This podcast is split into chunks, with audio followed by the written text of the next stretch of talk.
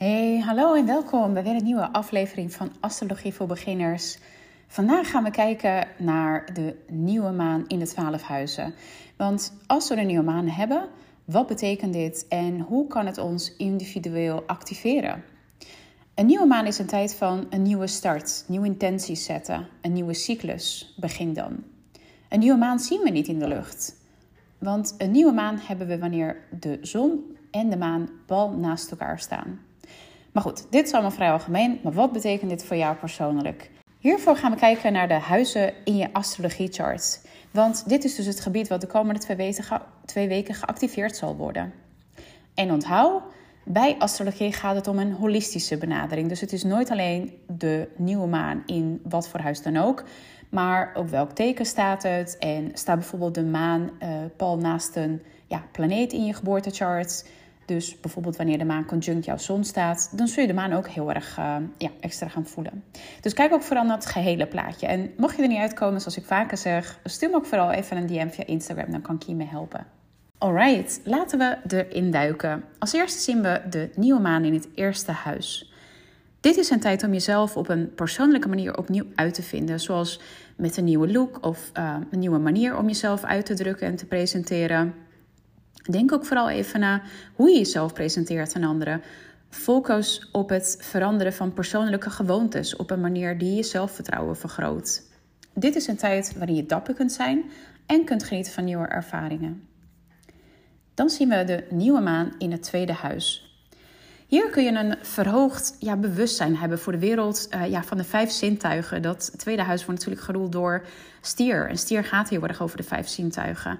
Voor je fysieke omgeving en voor de zekerheid die je krijgt van wat je eigenlijk voor jezelf hebt opgebouwd. Dit is de tijd om opnieuw te beginnen met hoe je je leven inricht. Om een gevoel van waarde en waardigheid te voelen. Financiële problemen die kunnen hier wellicht aan de orde zijn. Hier uh, zul je ook bezig zijn met het stellen van realistische financiële doelen, maar ook budgetten bijvoorbeeld. En ook ja, het ontdekken hoe je eigenlijk je inkomen uh, nog meer kunt verhogen. Dit is ook een geweldige tijd om ja, echt te genieten. tweede huis, wat dus bij stier hoort, gaat heel erg over de zintuigen. Dus ja, gebruik die dus ook. Dan zien we het nieuwe maan in het derde huis.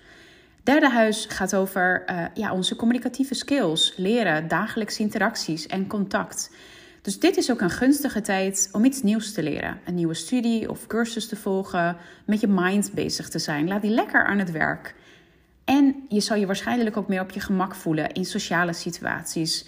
Je hebt uh, ja, ook meer zin om de details van het dagelijks leven te regelen. Dan zien we de nieuwe maan in het vierde huis. Het huis, thuis en gezin die kunnen in deze fase een aandachtspunt zijn. Op persoonlijk ontwikkelingsvlak is het ook een tijd om niet alleen te luisteren naar je onderbuikgevoel, maar om er ook mee te doen. Waardoor voel je je veilig en geborgen? Dit is dus een moment om een gevoel van innerlijke veiligheid te verkennen en te ontwikkelen als die er nog niet is. Dit is ook een tijd van reorganisatie, dus dingen anders indelen belicht. Uh, ook een groter bewustzijn van je roots, dus je wortels. Uh, wellicht issues met intimiteit en kwetsbaarheid. En het is ook een uitstekend moment om in contact te komen met je gevoelens en je behoeftes. Dit is ook een goed moment om langetermijnplannen voor de toekomst te maken. Om ja, wat dat betreft elke vorm van je huis anders zien te delen of zelfs verbouwen. Um, en voor activiteiten rondom je gezin. Dan zien we de nieuwe maan in het vijfde huis. Hier is de creativiteit, uh, die wordt opgewekt. Romantiek die staat ook op het menu. En ja, ook net zoals feestelijke activiteiten, gewoon speelse en gewoon lol hebben. Dit kan ook een hele gepassioneerde tijd voor je zijn. En een tijd waarin je ook misschien wat brutaler voelt dan normaal. En als je nog het gevoel over jezelf hebt en ook vooral als je de tijd hebt benut om het vertrouwen dus te herstellen dat de nieuwe maan in het vierde huis met zich meebracht, dus wat we eigenlijk net zagen, zul je hier ook tijdens deze expressieve periode ja, veel meer gaan stralen ook. Dan zien we de nieuwe maan in het zesde huis. Nieuwe maan in het zesde huis die luidt eigenlijk een tijd in waarin we nieuwe uh, dieetregimes bijvoorbeeld gaan aanhouden, gezonde routines, uh, meer sporten, gezonde werkschema's. Die kunnen hier met succes eigenlijk worden geïnitieerd. Het is een tijd van zaken regelen, details afhandelen en je efficiëntie verhogen door wellicht dingen anders te gaan doen.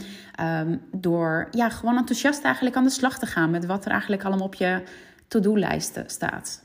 En het is ook een goed moment voor ja, wat voor soort analyse dan ook, aangezien de, het kritisch denken nu op zijn hoogtepunt is. In deze periode kun je ook het verlangen voelen om dingen uit te zoeken, maar ook heel erg nuttig, nuttig te zijn. Dan zien we de nieuwe maan in het zevende huis. Dit is een gunstige tijd om nieuwe relaties aan te gaan of wellicht ook bestaande relaties opnieuw te definiëren. Issues met delen en partnerschap die kunnen hier naar voren komen. En als je merkt dat je gevoelig bent voor het gevoel van ja, gebrek aan steun van partners bijvoorbeeld, kan dit ook een goed moment zijn om jezelf af te vragen: ja, hoe sociaal ben je? En ja, daaraan uh, te gaan werken. Dus jezelf te ontwikkelen op dit gebied uh, in, in je leven. En het is ook een goed moment om contacten te leggen en wellicht ook iets openbaars te maken als je dat hebt. Nieuwe maan in het achtste huis. Dit is een tijd van empowerment. Het is een goed moment om je te concentreren op issues bijvoorbeeld rondom intimiteit en ja, om je zelfbeheersingsvaardigheden te ontwikkelen. Je kun je tijdens deze periode een groter bewustzijn uh, ja, voor anderen kun je gaan ervaren, wat bijvoorbeeld hen drijft, maar ook bijvoorbeeld naar je eigen motivaties. Het is ook een tijd uh, waar intimiteit wordt verhoogd. En het is ook een gunstige tijd om een financieel plan of een spaarplan te gaan starten, een lening af te sluiten en zeker ook met je boekhouding aan de slag te gaan. Dan zien we de maan in de nieuwe maan in het negende huis. Negende huis gaat over onze mind, uh, ja, om te groeien, te verkennen, uh, verder te gaan eigenlijk dan de gewone ervaringen in ons leven. De nieuwe maan hier kan wat uh, sorry, rusteloosheid en ontevredenheid eh, met zich meebrengen. En dat heeft zeker ook te maken met regelmatige routines die in je leven zijn. En hier mag je ook je best doen om nieuwe projecten of activiteiten te gaan starten.